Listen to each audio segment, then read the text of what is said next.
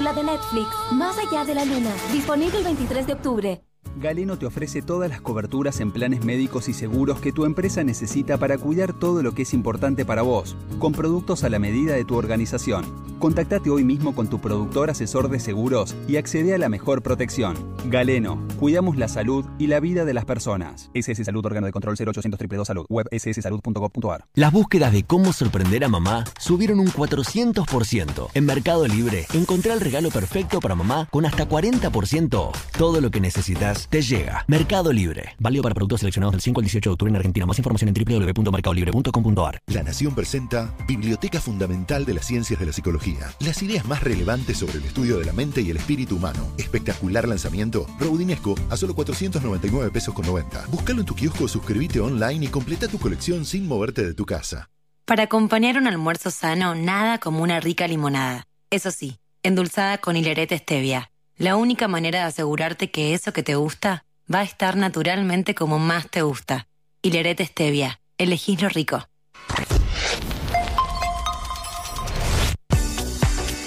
De acá en más, manda tu audio a nuestro WhatsApp 11 37 80 95 10. Hola María, hola equipo, buenos días. Una pregunta a esta delegación del fondo, ¿no, se, ¿no tiene que hacer la cuarentena? ¿No tiene que venir con, con los hisopados? Deben venir. que presentar documentación de que está sana? ¿Cómo es el tema? Deben venir Porque con. son los del fondo, no se les, no se les hace y no se les pide nada. Epa, deben venir con el hisopado hecho. Lo mismo que los jugadores de- que vienen de Europa. Se lo hicieron ayer se le- todos. esto- Todos se lo los ayer. hisoparon. Eh, llegaron a Ezeiza y hasta que no les den el resultado del hisopado están aislados. Yo supongo que. Es que ahora van a tener que poner un protocolo, porque si vuelven los vuelos, además a partir del 11 de octubre, va a tener que quedar claro y según de qué país vengas, porque no todos los países tienen la misma circulación, etcétera, ¿no? Sí, y hay ah, pero si no los quiero vuelos se abren a No, todos perdón. los países o hay países en los que dicen no, de acá directamente no vengan. A propósito de hisopados, eh, le dio negativo a Maradona un hisopado ayer porque estuvo con- en contacto directo con el jugador Contín, el que le hizo el gol a San Lorenzo el otro en el amistoso, se quedó con él.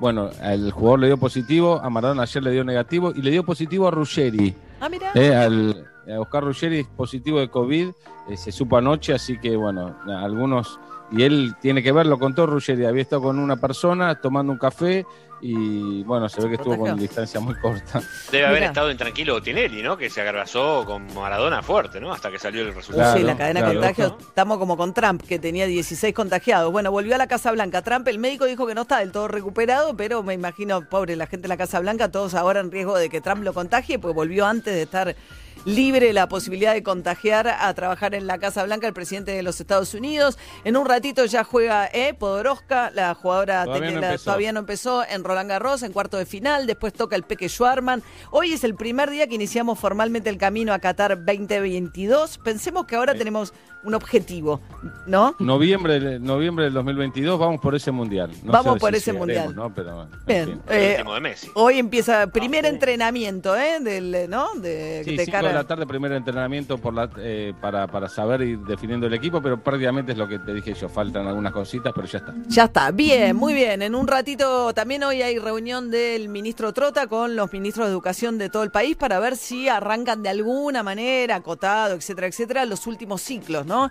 El último ciclo de la primaria y el último ciclo de la secundaria, buscando empezar a pensar formas, me parece que ya era hora, un poco más imaginativas de ver cómo retomar contactos eh, más este, reales, ¿no? Del orden de lo real entre el- los estudiantes y sus escuelas. Ahora, el análisis de acá en más. La actualidad en la voz de María O'Donnell.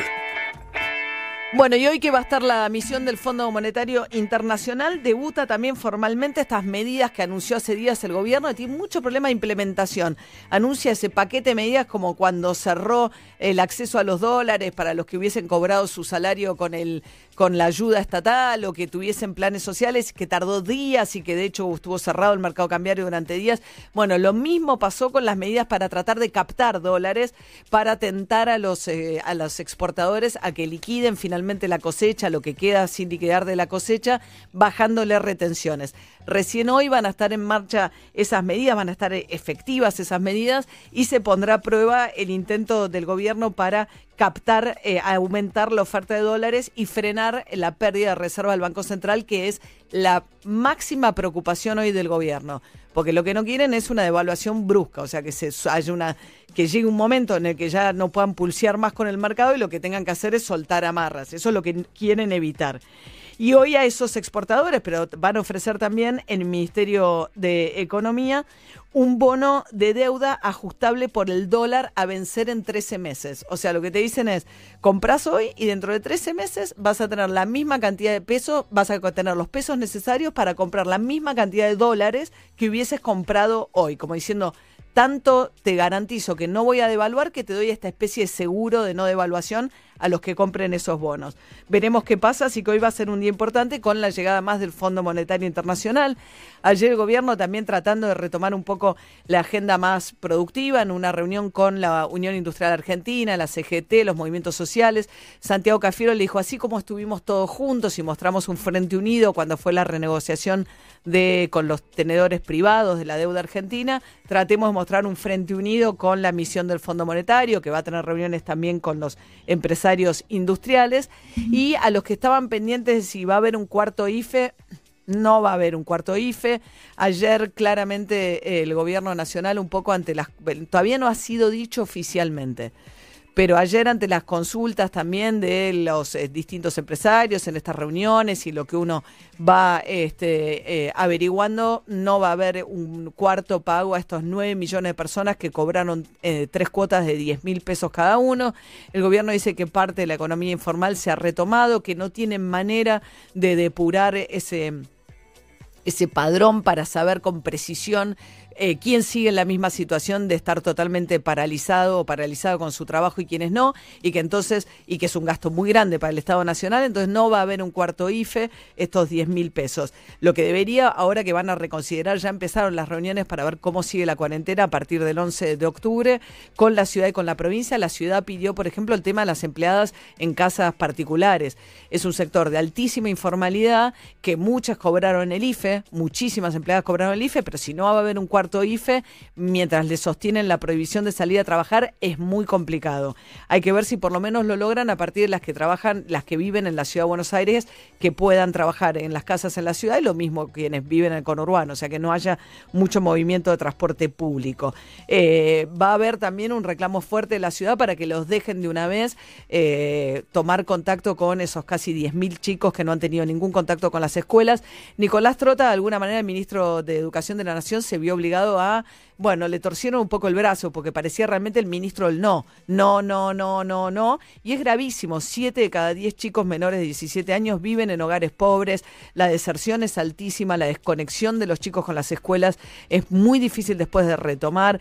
Piensen que el 80% de los chicos si tienen contacto con las escuelas es a través de WhatsApp la posibilidad de clases con es para una minoría muy privilegiada que tiene conectividad y que tiene además dispositivos dentro de sus casas. Por supuesto que hay que tener muy en cuenta que todavía la Argentina está en una situación muy delicada con la pandemia, cinco provincias con ocupaciones de camas al 80%, pero tiene que ser una agenda de empezar a pensar hacia adelante. Así que el gobierno por ese lado y aparece además el kirchnerismo otra vez con una agenda propia, que a veces Alberto Fernández abraza como propia también, a veces se distancia, como hizo ayer con el tema del pedido de juicio político al presidente de la Corte Suprema de Justicia, Carlos Rosenkrantz, que se defendió en un comunicado diciendo que es una persecución política, el pedido de un sector del kirchnerismo pidiendo que se le haga un juicio político eh, por supuestamente algunos fallos controvertidos que pudo haber tenido Rosenkrantz, dice que no tiene cuentas en el exterior que le atribuyen de ninguna manera, que es toda una campaña de difamación y en el fondo lo que él cree es que es una venganza porque él dio el persaltum la, o sea, dijo, bueno, traigan para acá, vamos a la Corte a pronunciarnos acerca de la decisión que tomó el kirchnerismo, impulsada por el kirchnerismo el Senado, de quitarle el acuerdo a tres jueces que habían sido trasladados a puestos claves durante el gobierno de Macri. Tres jueces que intervinieron en causa de Cristina Kirchner y que ahora están en un limbo porque eh, necesitan que la Corte resuelva si vuelven a sus puestos anteriores o quedan donde estaban. En ese marco, ese contexto, deciden arremeter contra el presidente de la Corte. Ayer Alberto Fernández se despegó de estos sus funcionarios y Alberto Fernández, además, había dicho él en campaña que él cree que los jueces son probos, que algunos está de acuerdo, ¿no? Podrá tener mayor o menor eh, afinidad ideológica, pero que él creía que eran jueces que eh, merecen estar en la Corte Suprema ocupando sus puestos. Esto suena a una venganza, a una arremetida en contra de Rosenkrantz. Así que el kirchnerismo sigue con su agenda propia, mientras que, bueno, el gobierno nacional enfrenta gran cantidad de complejidades en lo inmediato con el tema del dólar en lo financiero, pero por supuesto después cómo salir y cómo pensar la economía post pandemia una vez que se pueda pensar que el escenario ya es definitivamente post pandemia. ¿Qué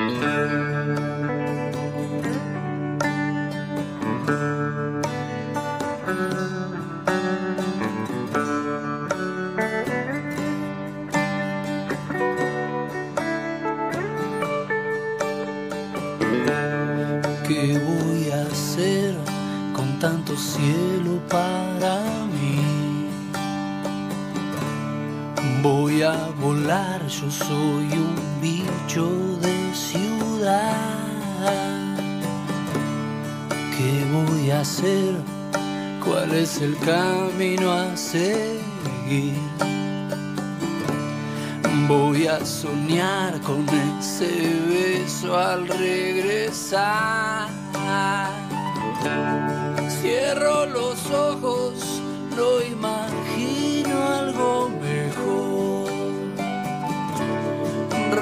Respiro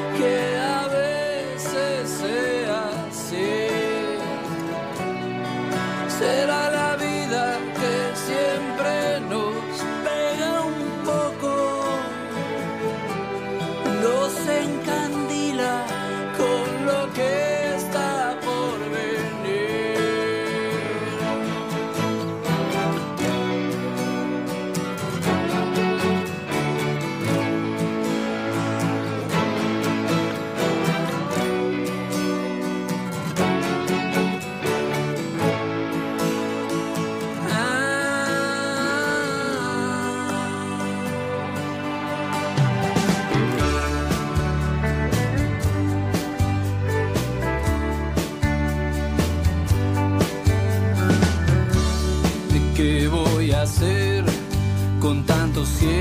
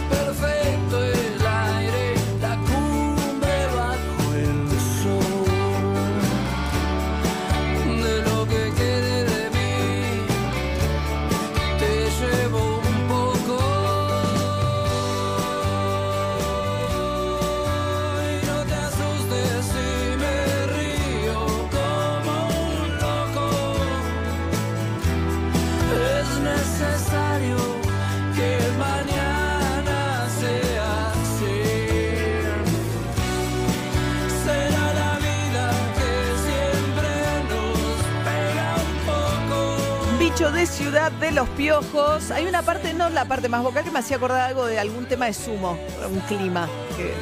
Puede ser. Sí, puede bueno, ser. sí, es una, una de las grandes influencias, ¿eh? siempre lo dijo. sí. De- dedicado a Flora, ¿no?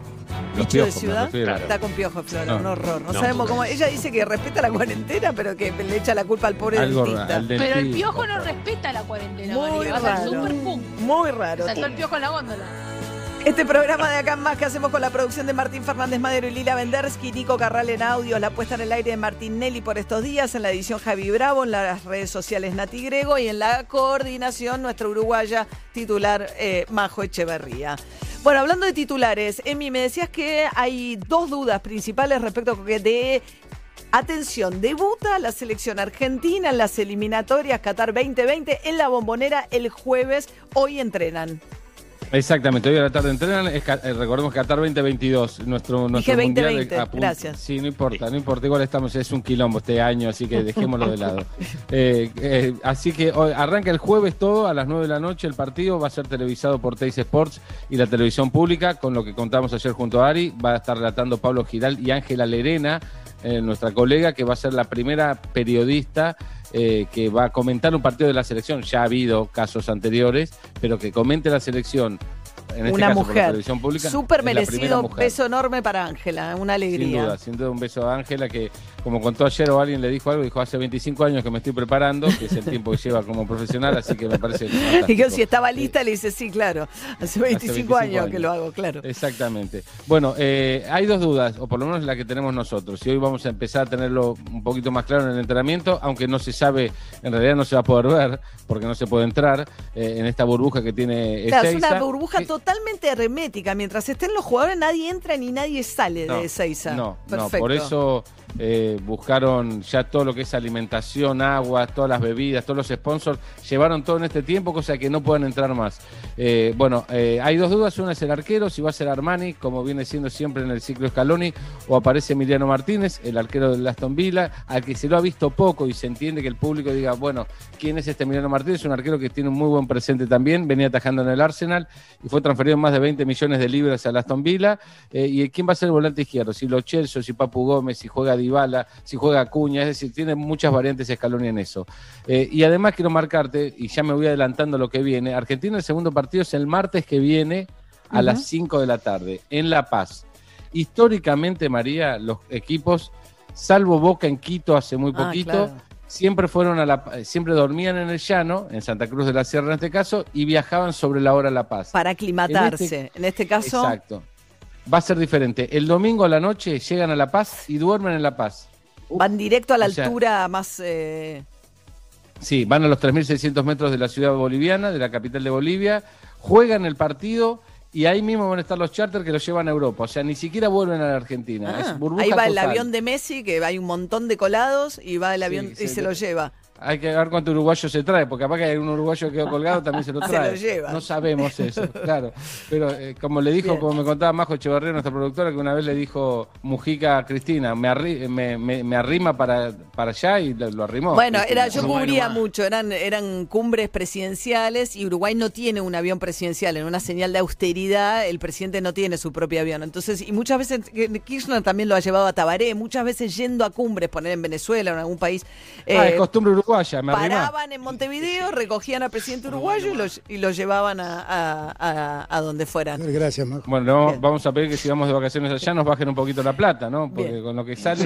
papá. Pensó papá. Bien, muy bien. Bueno, así que hoy el primer entrenamiento de la selección de Scaloni. Siempre fuimos escalonistas en este programa. Siempre, siempre. Tenemos Eh, mucha fe que nos va, nos va a clasificar fácil, o sea, le va a salir fácil. Bueno, exagera, María. Qatar. Se la jugó, se la jugó. Directo a la altura. del lado del juego seguramente falte. Esta, esa, la, la impunidad de María desde, desde el otro lado. Ah, bien, diciendo- está haciendo la renovación de la selección. ¿Viste? ¿Quién muy bien. confiaba por De Paul si no era Scaloni? No, es ¿No? verdad, con, con Paredes y con Ocampos.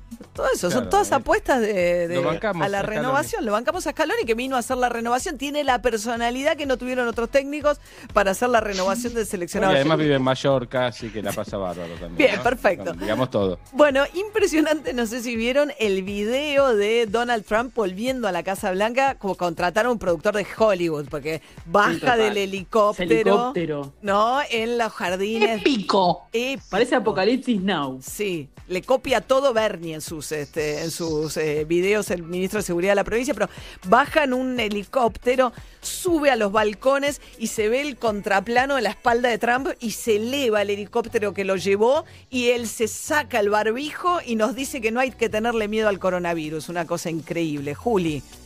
Bueno, es que a ver, yo creo que está retomando la campaña. Hay elecciones el 3 de noviembre y me parece que mostrarse como una persona que pudo con el virus, que es un guerrero, que hay este virus al que no hay que tenerle miedo, es como un giro que ante la circunstancia de haber tenido este diagnóstico positivo, dijo, bueno, ¿qué hacemos con esto? Hay que seguir la campaña, falta un mes, vamos con esta postura de acá estoy fuerte. Ahora, ¿qué dicen los médicos? no? Porque Donald Trump recibió el alta después de ser internado el viernes. Ayer mismo él participó en la decisión de que le dieran de alta. Bueno, los médicos dicen que tal vez sea demasiado pronto, sobre todo porque el dato que tenemos, después de que fuera muy desprolija la información sobre su internación, es que los tratamientos que recibió Donald Trump, un tratamiento con esteroides, un tratamiento con antiviral, otro con eh, eh, anticuerpos, son tratamientos que se le dan a personas que no tienen casos leves de coronavirus, sino de moderados a graves. Entonces, la atención está puesta sobre, ¿esta persona estaba para darle el alta? Bueno, él ayer se mostró, ya decíamos, muy fuerte, muy, eh,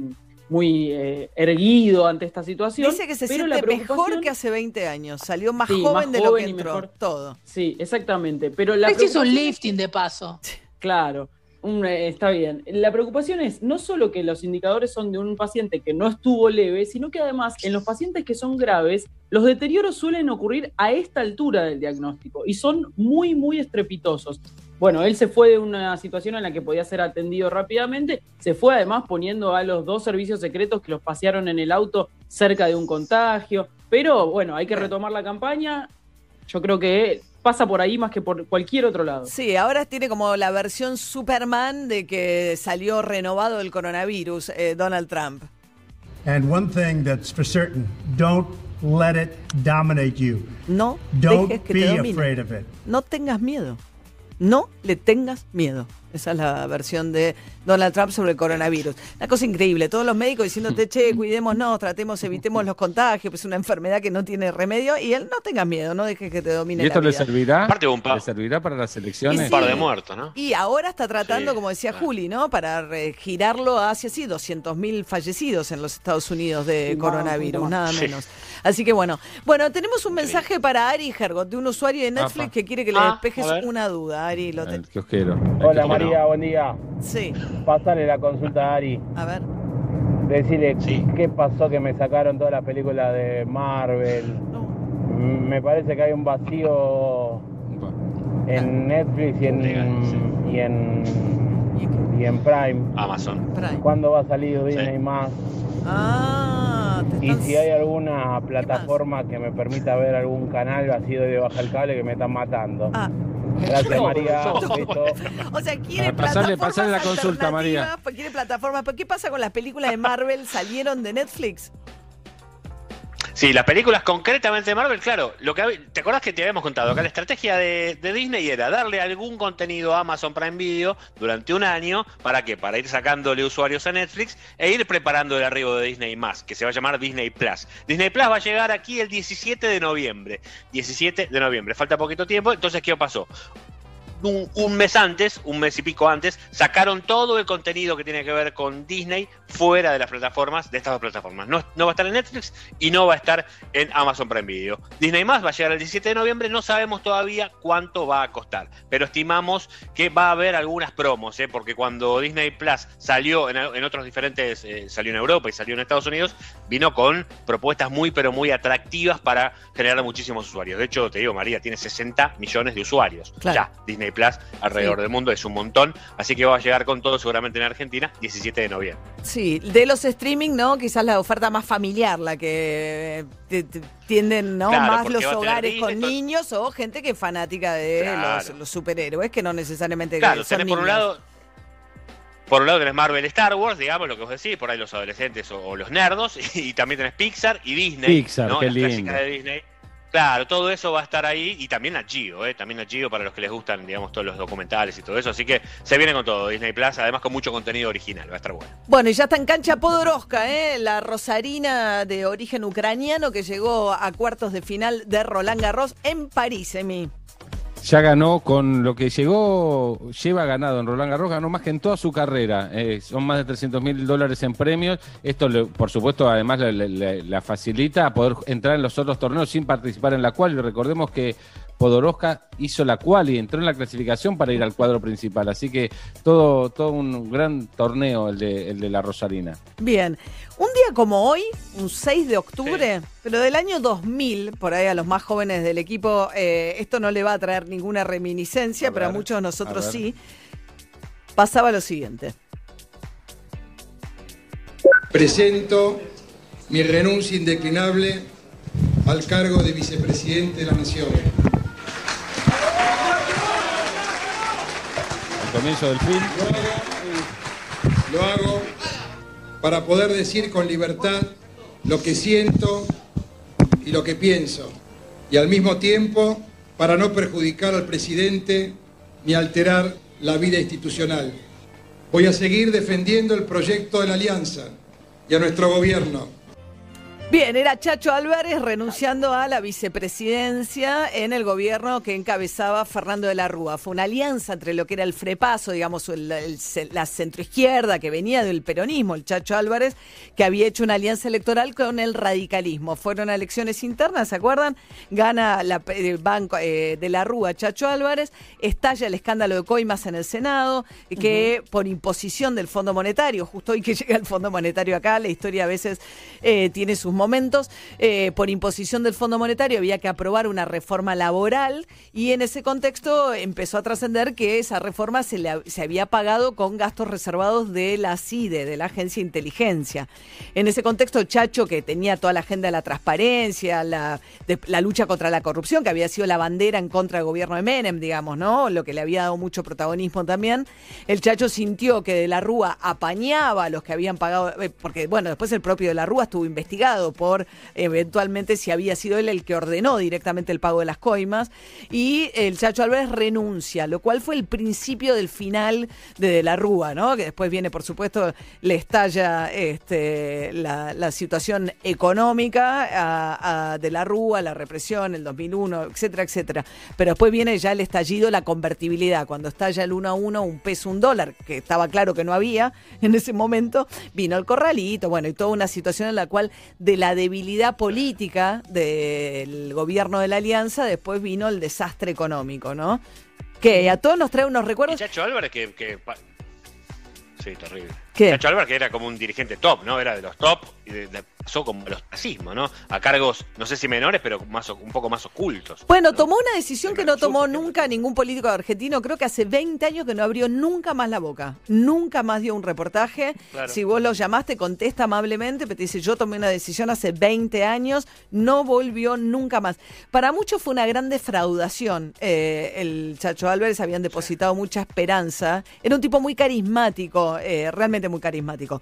Después tuvo algunos cargos y muy honesto, muy íntegro, digo, una persona que no, no tenía mácula en ese sentido.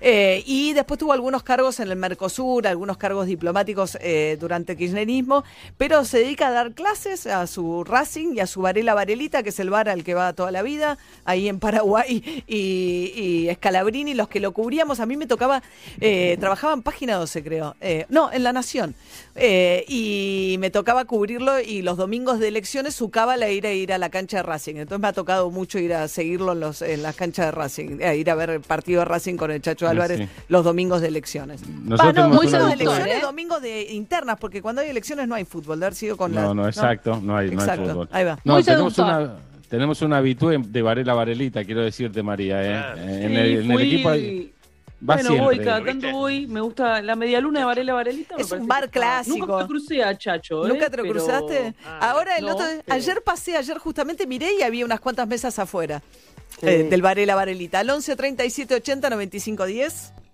Yo tengo mi vecina que como tiene pasaporte y DNI español, se fue de vacaciones 15 días a ver a sus hijas a Barcelona y salió sin eh, hisopado, sin ningún tipo de hisopado negativo e ingresó sin ningún tipo de, de hisopado en mano positivo ni negativo, nada. Ingresó y salió como si nada.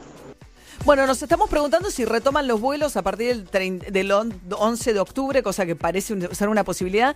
¿Qué tipo de protocolo va a haber? Eh, acá Martín Fernández Madero nos cuenta que conoce a alguien que vino a Nueva York, lo hisoparon, pero fue a la casa antiguamente sin saber el resultado o fue el test rápido, que tiene alta probabilidad, digamos que no es muy fiable. Hay que ver si el gobierno de la ciudad vuelve a imponer la, eh, la cuarentena obligatoria en los hoteles de la ciudad. ¿Se acuerdan que hubo un momento en el cual no te podías ir a tu casa, sino que tenías que ir a los hoteles de la ciudad obligatoriamente? 8 y 32 de esta mañana que va queriendo la temperatura. Tenemos 11 grados 2, un cielo totalmente despejado, alguna nube en el horizonte, 20 grados la máxima para hoy, 23 mañana, 25 pasado. Va a ir calentando estas jornadas de primavera.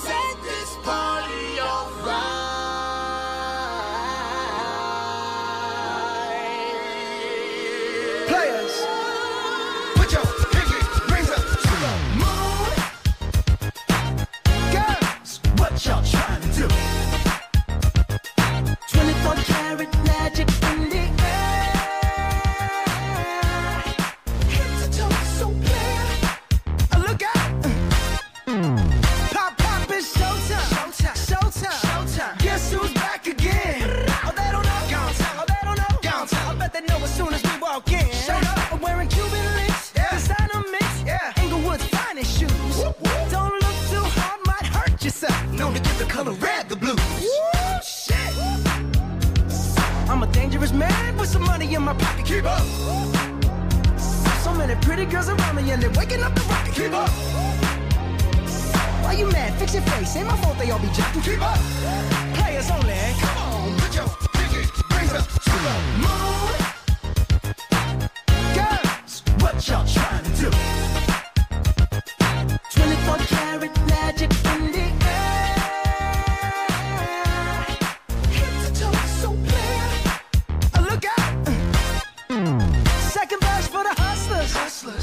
Hustlers, gangsters, bad bitches, and your ugly ass friends. I cannot preach, I cannot preach. I gotta show 'em how I pimp get it in. First, take your sip, sip. do your dip, spend your money like money ain't shit. Ooh, ooh, we too fresh. Got to blame it on Jesus. Hashtag blessed. They ain't ready for me. Uh. I'm a dangerous man with some money in my pocket. Keep up. So many pretty girls around me and they're waking up the rocket. Keep up. Why you mad? Fix your face. Ain't my fault they all be jocking. Keep up. Players only. Come on, put your pinky rings up to the moon. Girls, what y'all trying to do?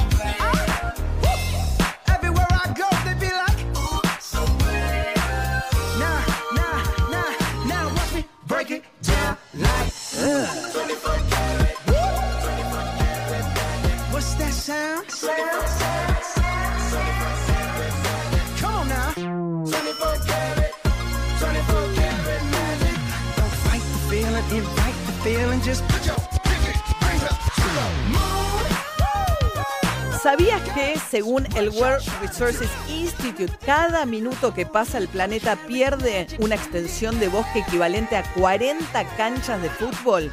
Para revertir esta situación nació la marca de gorras Throne, que tiene un propósito muy claro. Por cada gorra, un árbol. Por cada gorra vendida, planta un árbol en zonas incendiadas.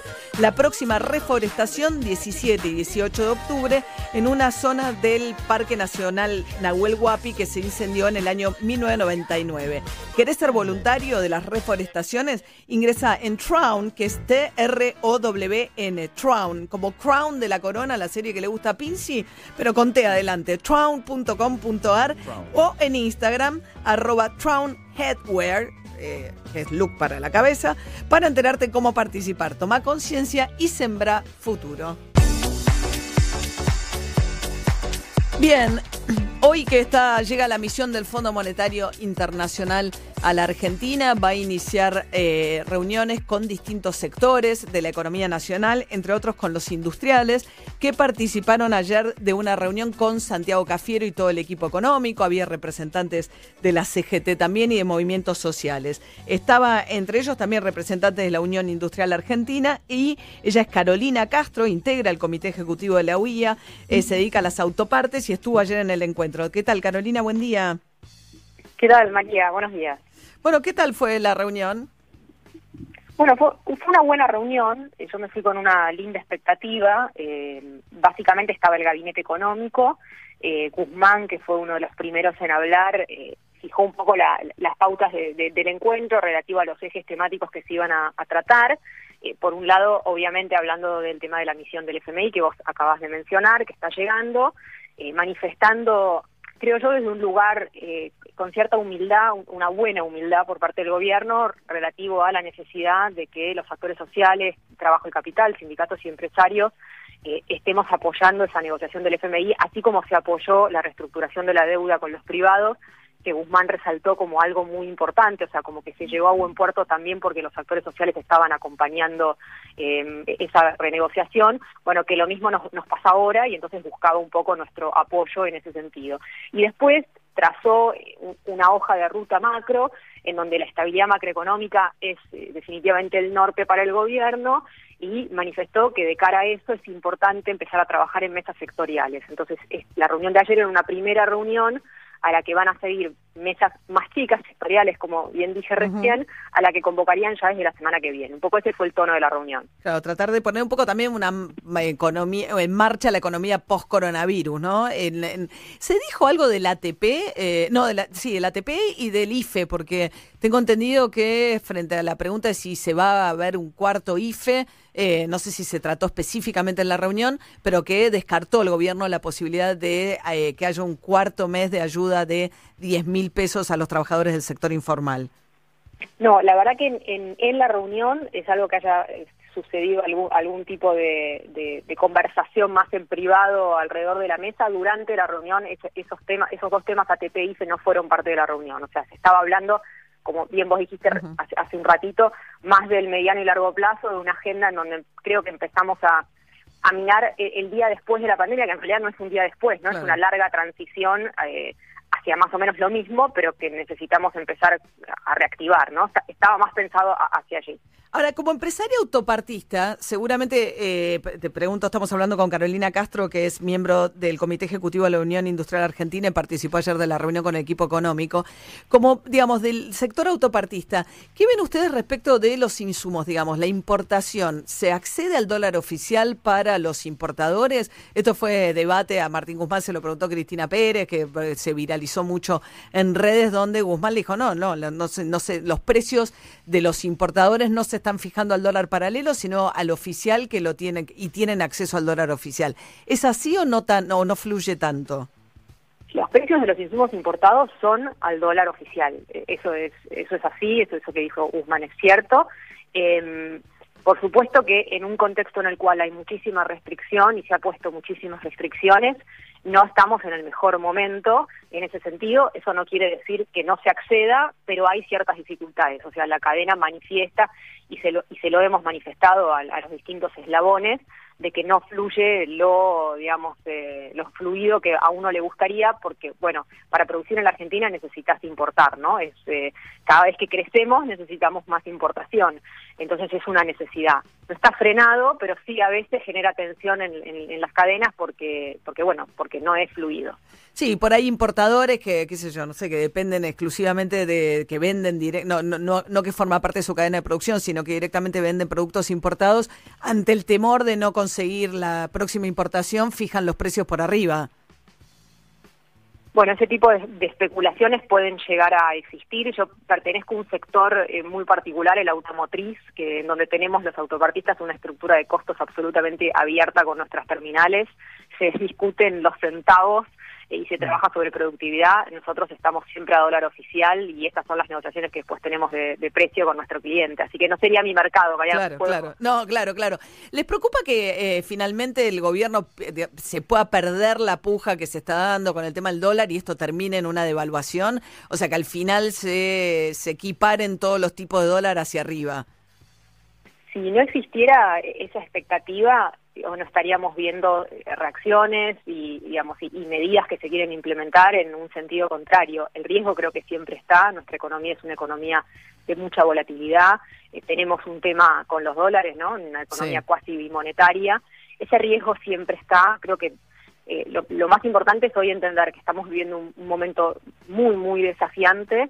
Eh, creo que los actores sociales, todos los actores sociales, desde los medios de comunicación, los empresarios, el sindicalismo y demás, eh, tenemos que hacer nuestro mejor esfuerzo para acompañar, porque en eso se va también eh, buena buena parte de lo que le pasa a nuestros sectores vulnerables. ¿no? Con los datos de pobreza de, de- de la semana, me parece que no hay mucho margen para, para trabajar otra cosa que no sea llegar a acuerdos, a consensos y apoyar. Después que hay riesgo, por supuesto que hay riesgo que las medidas no funcionen, eh, porque estamos en una economía difícil de manejar.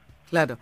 Tema el impuesto a los ricos, como se lo bautizó. Hay eh, cierta inquietud de algunos sectores empresarios que le hicieron llegar su desacuerdo a Alberto Fernández incluso. Y hay como dos posturas, ¿no? El gobierno que dice quienes impulsan este impuesto, que es a los patrimonios personales. Y otros empresarios que dicen, no, si yo tengo eh, participación accionaria en la compañía, eso forma parte de mi patrimonio personal y voy a terminar pagando por inversiones que hice dentro de la empresa y no por un crecimiento patrimonial mío, personal. ¿Ustedes están de acuerdo o no están de acuerdo? Hay otros países del mundo que sí han puesto, digamos, eh, un impuesto excepcional o un aporte, como le gusta llamarlo a Alberto Fernández, por única vez para financiar parte del gasto del coronavirus.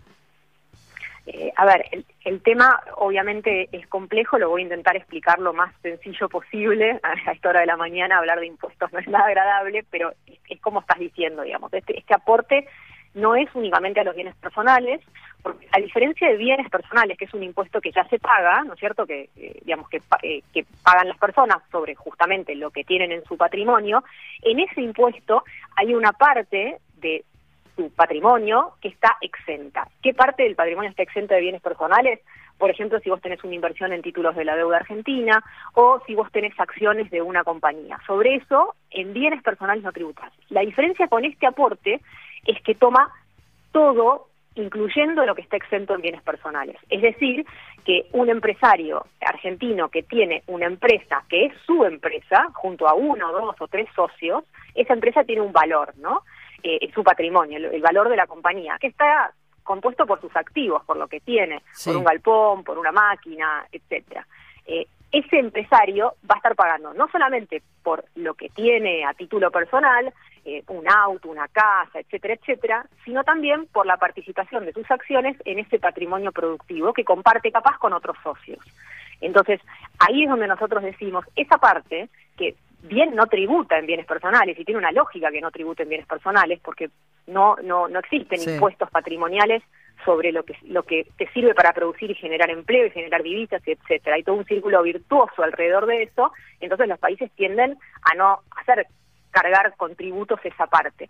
Sí, partes personales, lo, lo patrimonial, que tampoco está tan difundido. En el mundo se suele pagar mucho más por los flujos, por lo que generás, por tus ganancias, que por lo que tenés.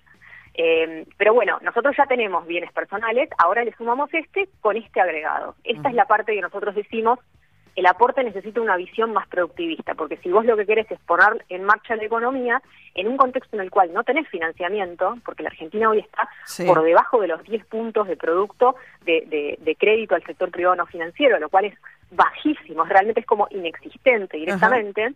En ese contexto vos necesitas que un montón de empresarios agarren plata de la suya, ¿no? Para ponerlo de alguna manera, y la, y la reinviertan en su compañía, la metan para Ujú. capital de trabajo, compren una máquina. Bueno, sobre ese mismo dinero vas a estar haciendo el aporte para el Estado. Bien, son visiones, sí, claro. La FIP lo que dice